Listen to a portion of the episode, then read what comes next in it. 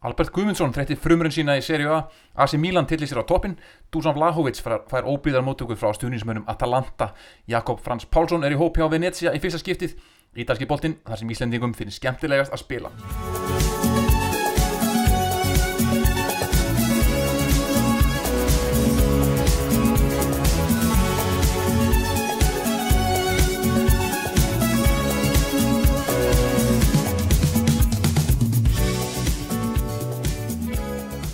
Já, ítalski boltin hefst að þessu sinni á eh, fréttum af Íslendingunum. Albert Guðmundsson þetta er frumrönn sína fyrir Genoa kom inn á í leikliðsins gegn Salernitana fyrir betur yfir þann leik á eftir og síðan eigum við Íslendingar nýjan leikmann sem að uh, var í hóp í fyrstskipti ungur leikmaður uh, Jakob Frans Pálsson ungur þósari uh, 2003 model 19 ára gammal hann var í hópi á Venetia í fyrstskiptið eftir að hafa verið í úlingaliðinu, Primavera liðinu undanfatna mánuði. Jakob Frans er hægri bakurur kallaður inn í Venecia-hópin, hann var talsveit um meðsli, sérstaklega í varnalínunni og uh, hann er búin að koma við sögu í 12 leikjum hjá uh, Primavera-liðinu. 5 stört fjórusunum inn á að begnum og uh, hefur staðið sér það vel að hann fekk að vera í hóp þarna gegn Torino í 2-1 sigri í Venecia eins og við kemum inn á, á eftir. Og svona fyrst við erum að tala um þessa ungu Íslendinga þá kannski alltaf að fara bara aðeins yfir það svona hvaða leikmið það eru af þessum ungu Íslendingum sem að uh, mér finnst líklegast að fái tækifærið næst. Það eru þetta haugur af uh, strákum í uh, úlingaliðunum, prímavera-liðunum og U18 og U17 og alveg nýrættir en svona ef ég ætta að nefna einhverja sem að eru líklegast eitthvað til að fá tækifærið fyrst af gríðala mörgum þá langum við kannski fyrst að nefna Lukas Loga Heimisson sóknarsinnan miðjumann hjá Empoli Uh, búin að spila í Empoli sem er með auðvitað, uh, mikla hefð fyrir því að spila ungum leikmönnum. Hann hefur bæðið verið að starta þess og koma inn á eiginlega öllum leikum hjá Primavera liðinu sem að uh, spilaði líka í meistaradelt úlingaliða þar sem liðið dætt út á mótu Dortmund á ævintýralegan hátt. Hann kom inn á í ta tableik gegn Dortmund. Leikmannin sem kom inn á með honum á sama tíma var ekki með legglívar eða var sendur út að skiptum uh, sokkateipi eða leggli var eitthvað svoleiðis og meðan skoraði Dortmund og komist við endanum áfram á því marki. Þannig að það var nú ekki, ekki Lukas Slögi sem að klikkaði þar en uh, hann hefur verið að spila í úlingaliðinu þar. Síðan er það Kristófur Jónsson uh, liðspilagi Jakobs hjá úlingaliði Venecia sem hefur búin að spila tóleiki fyrir úlingaliðið, þrjú mörg og þrjú assist. Leikmaður sem fór til Venecia frá Val, mér minnir rétt 2003 mótel, það er svona annar sem að er á þessum aldri, 19 ára á árinu og uh, svona líklega til að kannski fá tækifæri næst. Svo er það Hilmir Rapp Mikaelsson líka hjá Venetia 2004 mótil hann er að koma inn á eiginlega öllum leikjum komið með uh, tvö mörg og eitt assist í síðustu tveimur leikjum sem hann hefði fengið að starta hjá úlingaliðinu hann að þessi Venetia strákar virðist að vera allan að spila í úlingaliðunum og uh, svona eru líklegir. Síðan er Hlinu Freyr Karlsson að spila mjög mikið hjá U18 ára liði Bologna svona eins og árinu yngri. En geti líka fengið takkifæri næst. Annars er nóga strákum hérna og það var þetta að nefna á marga. Þetta er svona sem ég ef ég ætta að setja peningi minn á einhvern að fá takkifæri næst þá er það svona þessir sem ég langaði til þess að nefna. En við slumum bara byrja á yfirferðu og fara yfir eh, liðna helgi. Það voru þetta skipti á toppnum. AC Milan tilti sér á toppin með sigri á meðan Inter gerir jafntöfli við slumum byrja helgina á uh, leik Lazio og Bologna sem mættist á laugadagin og Lazio fór þar með 3-0 sigur á holmi og þetta Bologna-lið er uh, tínt og tröllum gefið, það er engin stemning þarna eftir. Uh, sem Mihailovic uh, virðist ekki hafa neinsvör og þetta var reynd útsagt umulegu leikur og Bologna er svona að fara að færast neðar töfluna. Þeir einhvern veginn byrjuðu vel og það heldum á miðar töfluna lengi vel en þeir eru núna að færast niður töfluna og þessi litla stemning þarna í liðinu þeir hafa ekkert að spila fyrir. Einhvern veginn trúðu því bara að það hefur verið búin að bjarga sér. Uh, já, Mihailovic tekst ekki að búa til stemningu. Og meðan Lazio leikur við hvert sinn fingur og uh, ég held að Lazio sé það leið sem er búið að skora flest eða næst flest mörg í deildinni. Það er Sarriból, er heldur betur að skila sér þegar þeir eiga daginn þá verður þeir óstöðvandi. En það er svona varnarleikurinn sem að þeir hafa þurft að laga. Og Sarri hefur þetta sagt frá því að hann bara segist ekki að hafa tíma til að æfa varnarleikin það sé svo þétt leikja prógram 3-0 sigur hjá Lazio. Bologna, þar, hjá Bologna þá er Mihailovic sem er færin að prófa allskins nýstálega hluti. Aron Hickey, skotin ungi hann er eini maðurinn sem einhvern veginn heldur alltaf sætunum sínu búin að spila í vinstir bakverði og ekkert verið sérstaklega á tímabölinu og hann fekk núna að taka í færa hægra megin og var alveg jafn slakur þar. Þannig að þetta lítur ekki vel út hjá Bologna. Engin stemning og það er spurning hvað já, hvað Bologna ætla sér. Ætla er að, sér að halda endal, endalust í Mihailovic og þetta, þetta stemningsleysi sem er þetta eða ætla er að gera eitthvað nýtt uh, setja aðeins meira púður í þetta nú stórleikur helgarinnar var á lögadagin líka klukkan 5 á íslensku tíma. Napoli-Inter uh, leikurinn fóð fram í Napoli og það voru heimamenn í Napoli sem tóku uh, fóristuna með marki frá Viktor uh, eftir uh, marki frá Lorenzo Insigne.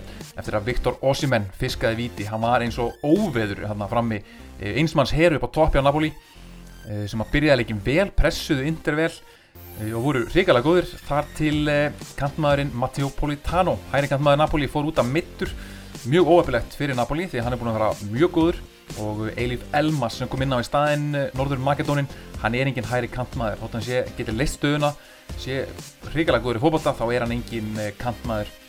Og uh, við það kom svona Inter aðeins inn í leikin þátt verið að varnamenn Napoli hefði átt mjög góðan leik. Khalidou Koulibaly kominn aftur af Afrikamótinu með hliðin á Rahmani sem er kannski búin að vera svona low-key besti varnamaður deildarinnar í, á tímabilinu. Eh, þá eh, tókst síðan Inter að lókum að skora. Það var Edin Dzeko skoraði alvöru, alvöru slút eh, í setniháleik og Intermenn voru betri í síðarháleik en þessi fyrirháleikur var ekki nægilega góður. Þannig að Viktor Osimhen gott fyrir Napoli menn að fá þessa Afrikumenn aftur. Viktor Osimhen Anguissa á miðjuna er komin aftur inn í liðið og, og Koulibaly. En þessi Rahmani, ég vil bara draga það fram enn einn hafsendin sem að Spalletti einhvern veginn ágættis hafsend sem Spalletti gerir að bara svona world class performer. Hann er auðvitað þekktu fyrir þetta, bæði hjá Róma.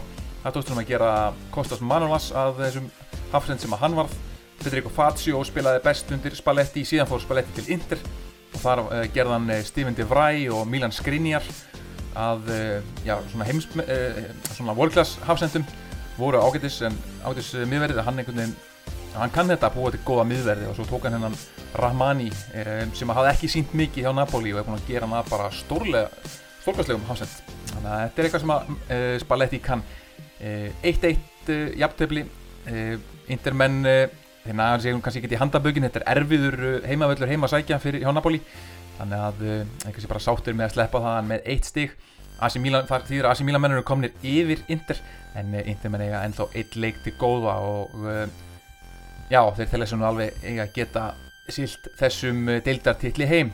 Og svo komið að Íslandingaleiknum Torino 1, Venezia 2 og Venezia var með marga mitta menn, eh, eins og ég sagði á hann. Jakob Frans Pálsson var í hóp hjá liðinu, eins og hefur spilað hægri bakurinn í eh, úlingaliðinu og meðsli í vartanliðinu hjá Venezia, tryggðu að hann var í hópnum. Torino ætlaði að snúa genginu við, þeir mæta botliðinu og heimavelli laugardaskvöld hellingur á stunismönnum, skor eftir 10 mínútur það var ekkert sem gætt farið úrskeiðis. Nema hvaða eftir hálftíma leik þá gerir þjálfæri Venezia taktíska breytingu. Og breyti yfir í 3-4-3 úr fjóramanna vardalínu og við það, eh, það réð Tórino ekkert við. Og eftir leikin saði Ívan Júrið þjálfæri Tórino að hann hreinlega óskaði þjálfæra Venezia til hamingu með þessa taktísku breytingu því að eh, hún var það sem að breyti leiknum hjá Venezia. Eh, þetta er kapli þar sem að Torino menn reyðu ekkert við Venezia sem að spila svolítið langt direkt alvöru fókbalta og uh, það var uh, miðjumærin Domen Černegói uh, slóvininn á miðjunni sem að lagði fyrra marki hjá Venezia og skoraði síðan setna marki með glæsilegu finissi leikmaður sem að spilaði með þeim á síðast tíanbili komum upp í serju B og hefur svona verið aðeins að klimbaði meðsli en síndi þetta mikil gæði og gaman að sjá hann gaman að sjá fleiri leikmenn hjá Venezia að vera að skora mörkin Nú á 98. Eh, mínútu skoraði síðan Andrea Bellotti eh, jafnunamarka, það var varaði burtu vegna rángstöðu. Það var vægast sagt mjög umdeilt ákvörðun en sterkur sigur hjá Venezia sem eru ennþá í eh, fallseti, þriðja síðasta seti en það skilur liðin fyrir neðan sig svolítið eftir. Eru núna komnið 5-6 stigum fyrir ofan Genoa og enn fleiri stigum á undan Salernitana. Þannig að það er flottur sigur hjá Venezia og það er greinlega ennþá líf í þessum, þessum glæðum hjá þeim. Nú á sunnudaginn þar mætti AC Milan Sampdoria í hátdegisleiknum. Marco Giampaolo, þjálfari Sampdoria, ætlaði að mæta með rýtingin og eh, hefna sín á eh, AC Milan sem héttan fara sem þjálfara eftir aðeins tíu leiki hérna um árið. En e, þessum unnu þennan leik fyrir AC Milan voru Markvöldurinn, Mike Magnan og Rafael Leao. Það var erfiðu leikur fyrir AC Milan, Sampdoria í beikna stuði og Giampaolo vildi ná fram hendum en uh, þessir tveir formspilarar hjá uh, AC Milan Mike Magnan með assist á Rafael Leao. Það var bara einum bolta lúðrað fram á Rafael Leao sem að tók uh, Beresinski Marnamann Sampdóri að greipa hann í bólunu og kláraði frábært, frábært marki á honum og það er greinlega verið að vinna vinnuna sína hjá, uh, á æfingarsvæði AC Milan því að þetta mark var beint á æfingarsvæðinu þeir gerðu þetta nokkur svunum í byrjun tímabils skoruðu svona mörg eftir skindisókn þar sem markmaðurinn bara sparka boltanum beint yfir línuna. Um, síðan voru liðfarn að lesa þetta og þeir uh, letu ekki reyna á þetta í ja, marga mánuði en svo núna greinlega voru við búin að lesa þetta þetta geti virkað í þessum leik. Gaman að sjá svona mörg á æfingarsvæðinu og Rafael Leao, hann er í stuði. Uh, Pjóli, þjálfari þjálfari AC Milan líkt honum við Thierry Henry eftir leik og það er auðvitað að sjá hvers vegna. Þeir eru mörg af vinstrikantinum, mikill hraði mikla hraðabreitingar það vantar ennþá kannski finishið, það vantar ennþá þetta svona krullan í fjær finishið sem að Thierry Henry hafði. En uh, það er ekki ástæðalauðs og hann hefur verið orðaðar við Arsenal þessi strákur. Pjóli hefur enda áður líkt honum við annan leikmann uh, Ronaldinho. Sem er allt öðru sem leikmaður en það var meira vegna þess að uh, Leao elskar að spila fókbalta með brosa vör þegar honum finnst gaman að spila fókbalta þá er hann stórkostlegur og hann er búin að vera kannski eitt mesta revelationið í ítösku aðdeildinni á þessu tímabili. Og AC Milan tillir sig þannig á toppin stíja undan Inter sem á leik til góða. Uh, og þá mætti spyrja sig á AC Milan einhvern, uh, einhvern möguleika á, á tillinum og uh, ég myndi eiginlega segja nei og ég hef sagt nei allt árið. En síðan fór ég að skoða leikjaprógramið og þegar maður skoðar leikjaprógramið hjá AC Milan sem eru auðvitað ekki í Európa-kjapni lengur eftir að hafa dóttið þar út þá eru þetta næstu leikir liðsins. Fyrst ega er Salernitana út í Nese sem eru tvö liði í botbaratum síðan kemur Napoli sem eru auðvitað erfiðu leikur. Síðan kemur Empoli, Cagliari, Bologna, Torino, Genoa Lazio, Fiorentina og Hellas Verona. Að sjö af átta næstu leikjum liðsins eru gegn liðum í neðri helmingnum. Og að meðan Inter þarf að spila leikja moti Liverpool Uh, þessi lið mæta síðan auðvitað í byggarnum AC Milan og Inter í, í tveimur leikjum en uh, þetta er mjög erfiðar að leikja program á Inter. Og ef að AC Milan nær að uh, vinna þessi litlu lið sem þeir hafa verið svolítið baslið með þá er ekkit ómögulegt að þeir gætu farið inn í svona loka kabla tímabilsins á toppnum. Inter eru ennþá favorites held að Inter muni sigla þessu heim eins og ég hef sagt af tímabili en svo fór ég að skoða leikjarprogrammið og það skildi þó aldrei gerast að AC Milan með þetta innfalda leikjarprogram eftir. Þeir eiga síðan Atalanta hann í næst síðustu umfyrinni en þeir eru búin að spila á móti öllum öðrum topplegunum nema þá á, Napoli og Atalanta. Þannig er þetta aðalega botliðin eh, neðri helmingsliðin eftir. Nú eh, næsti leikur á sunnudaginu var Hellas Verona út í Nese Emil Hallfredsson darbíð þar sem Verona komst yfir á annari mínútu og heldur bara áfram eftir það. Antonín Barak kom þeim um í 2-0 eh, eftir hálftíma og eftir það var aldrei spurning. Antonín Barak er orðin núna markaðasti miðumæðurinn á Ítaljum á þessu tímabili og er, ég held ég líka, næst markaðasti eða markaðasti miðumæðurinn í stóru deildum Evrópu. Og það var gaman að sjá hann halda svona áfram að blómstra og það spurning hvað það endist lengi. Á þannig að verður sóttur í eitthvað ennþá stærra lið. Og gaman að sjá hann taka skrefi þarna frá Kristari Lecce í serju B. Fórum með þeim upp í serju A sér hann milliskrefið upp í Hellas Verona. Hann hlýtur að fá múið í eh, stærri lið, eh, stærra lið núna í sumar Gianluca Caprari og Adrian Tamese innsökluðu síðan sigurinn Það var nú bara ennið típiski leikurinn hjá Udinese eftir að hafa unnið Torino í 2-0 í flottum leik. Þá mæta í næsta leik og steinlíkja fyrir Hellas Verona 4-0, algjörlega óútveikna leir. Nú, uh, svo kom að leika Empoli 1, Cagliari 1. Uh, hjá Empoli gerði þetta Andrea Pinamonti í markið eftir stóðsendingu frá umstæðninu Nedim Bayrami sem að öllið vilja, en hann verið sjálfur vilja Napoli í sumar. Þannig að fylgjast með honum fyrir líklega til Napoli í sumar þessi ungi Albani. Uh, Cagliari er í fallbaráttu og þurfti meira á stegunum að halda þannig að þeim tókst síðan að jafna leikin 5 uh, minútum fyrir leikslokk það sem var á ferðinni. Leandro Pavoletti skallamæðurinn segi uh, mikið segla hjá Cagliari sem eru ennþá aðeins já, hvað, einu sæti fyrir ofan fallseti en eru komin með einhverju svona smá stöðuleika í sín leik og sína karakter umferð eftir umferð.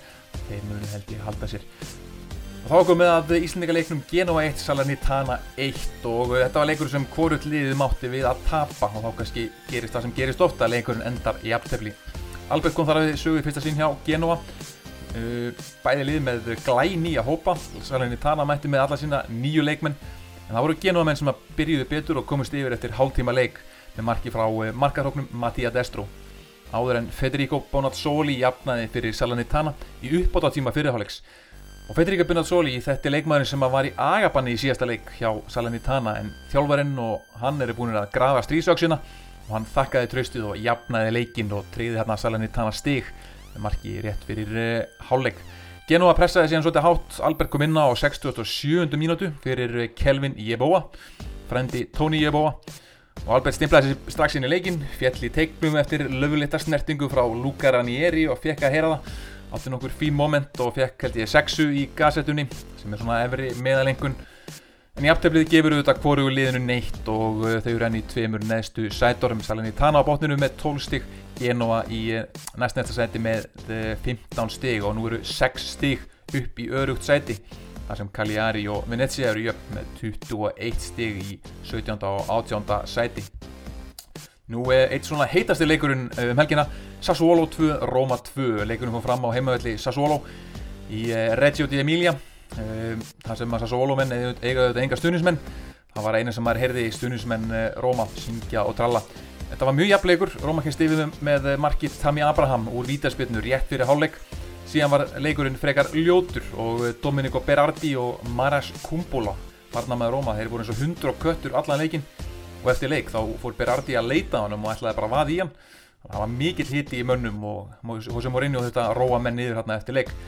En e, í byrjun setna áleik skoraði Chris Smalling sjálfsmark e, það var þetta skráð þannig en þetta voru risa mistök frá Rui Patricio í marki Róma sem heila misti inn hann að fyrirgjöf. Sem hafði ekki aðeins breytt um stefnu.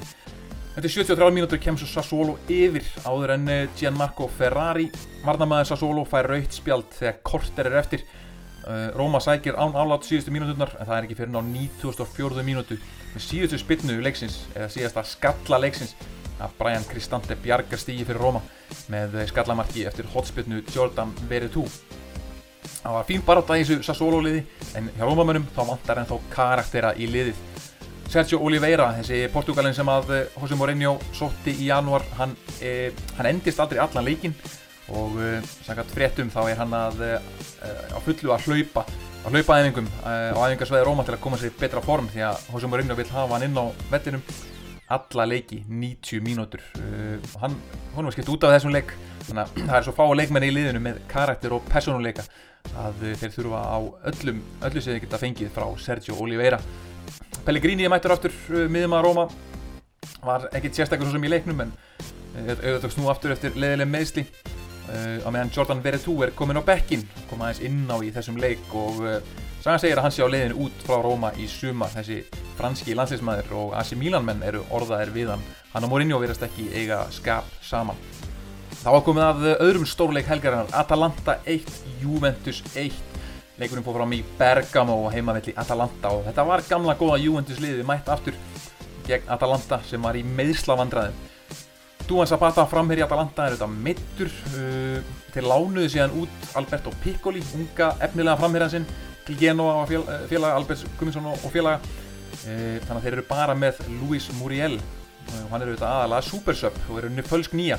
Atalanta vantaði sóknamann og svo vantar þá líka markverðið sinn uh, Juan Musso var í banni hann að það var uh, Marco Sportiello sem var spilaði.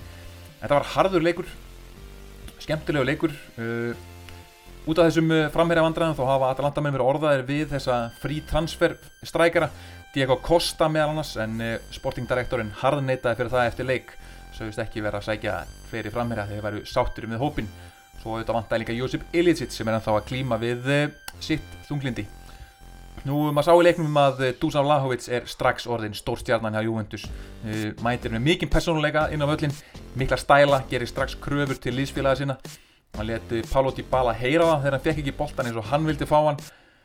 Hann fekk líka sjálfur að heyra það frá stuðnismönnum Atalanta eins og uh, reyndar alltaf þegar hann mætir til Bergamo uh, fekk að heyra það allan leikin frá stuðnismönnum að hann væri Zingaro eða Sígauni oft sungið um leikmenn af austur-euróskum uppruna og telstu þetta til rasisma og stuðnismenn Atalanta hafa verið sektað en nú þegar held ég einu sinni, ekki tvísvar á þessu tíðanbili fyrir sönga sína í, í garð uh, í garð Dús á Lahovits og líka í garð uh, Slatans.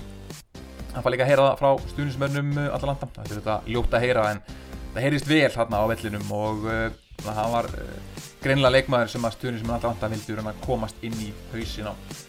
En það sem Atalanta menn vantar fram á við, það eiga er hins vegar á miðjunni með miðjumenn á bekknum eins og Marko Pasalic, Matteo Pessina og Ruslan Malinovski og það var svo síðast nefndi sem kom inn á og kom þeim yfir með ótrúleiri aukarspilnu.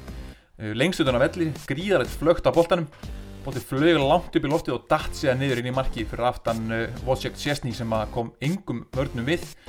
Og flott velspilað hjá Atalanta og hann var líka að nefna hollandska miðjumannin Koopmeiners sem þið kiptu frá Arseta Alkmaar fyrir tímafili hann er svona byrjaðarlega ágætla flottu leikmaður.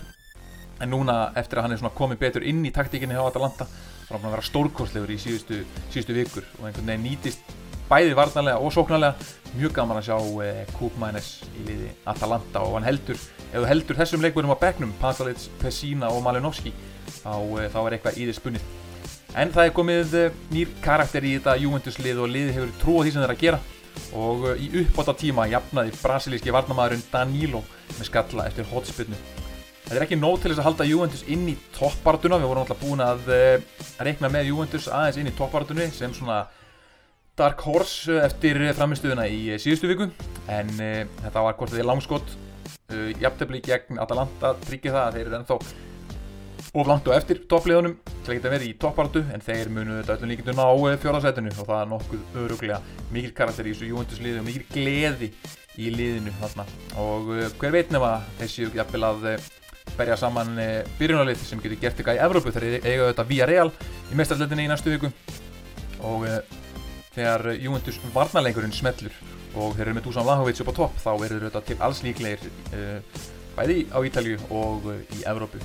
Og á mándaginn, síðasta leikur umferðinar var Spezia Fiorentina þar sem eh, Vincenzo Italiano, þjálfæri Fiorentina mætti á sinn gamla heimavöll gegn eh, algjörlega útgösuðu liði Spezia sem að mátti ekki kaupa leikmann í janúarklukkanum það er allir að gera sér besta en þetta er orðið súrara og súrara því miður fyrir eh, Tiago Motta þjálfara. Hann er að halda þessu liði saman og hann er að halda þeim fyrir ofan fallseti á líin einni en uh, það gekk ekki gegn Fiorentina. Spezia tapaði 1-2 voru mjög nálátt í, grátlega nálátt í spesilega með hann að sækja stíð.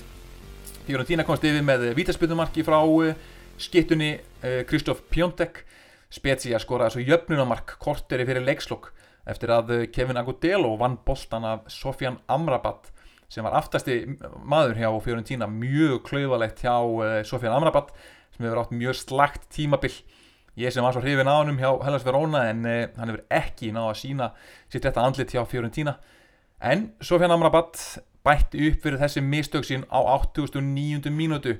Spetsíða menn voru hengu í reybónum, voru að verjast með öllu sem þeir áttu eh, en 89. mínútu mæti þessi sköllótti eh, miðjumæður Fiorentina og smelt honum fyrir utan vítateg og þegar ég horfði á leikin þá var ég vissum að þetta hafi verið eh, Ricardo Saponara eh, hár tvífærinas líka með bónaða skalla.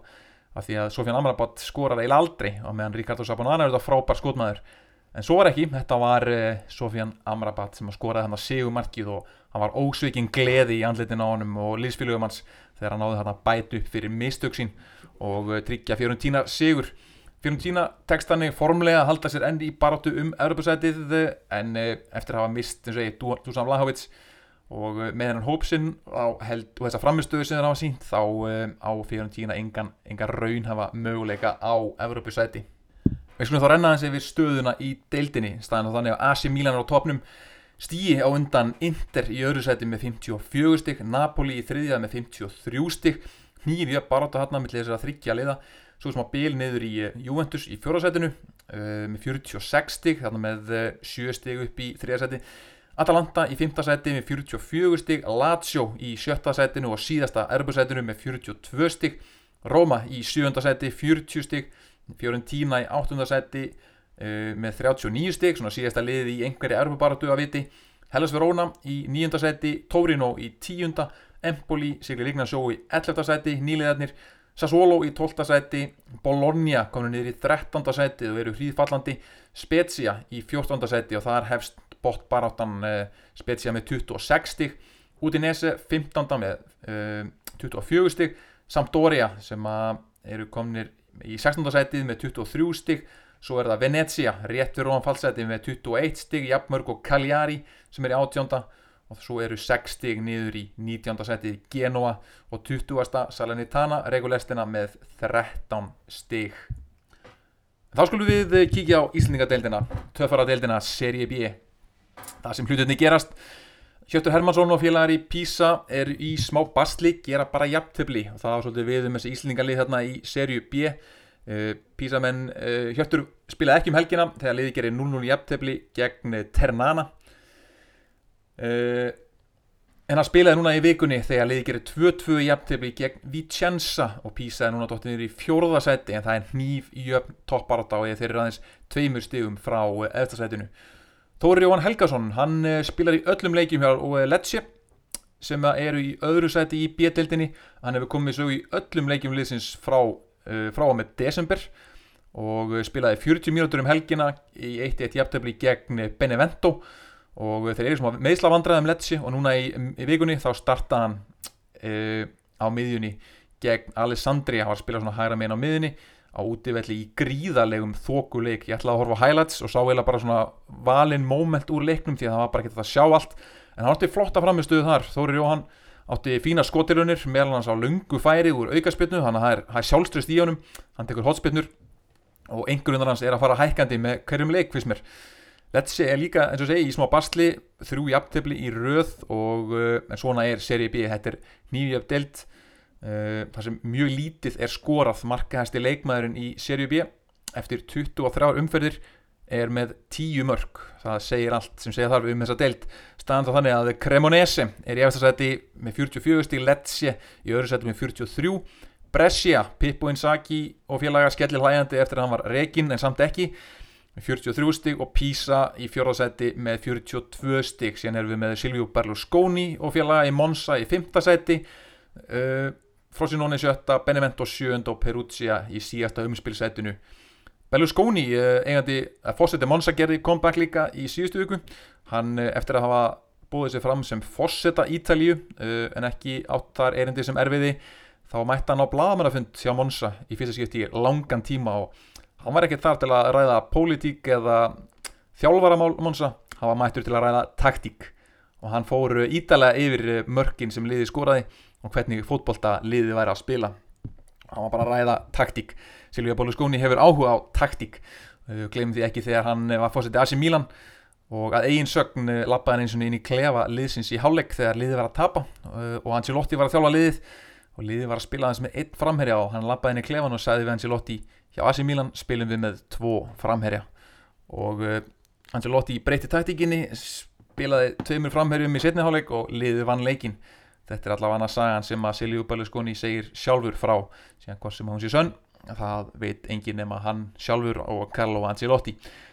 En uh, gaman að sjá að hann er ennþá á lífi og uh, lætur sig ennþá fótboltan varða nú uh, fyrir svo niður í sétildina Emil Hallfriðsson spilar allarleiki fyrir Virtus Verona í sétildinni tveir tapleikir í röð þar og svolítið bil upp í umspilsæti slæma fréttir fyrir Virtus Verona Bjarkisteit Bjarkarsson er að koma inn á í lókleikja hjá Katansaro sem er á mikilli siglingu.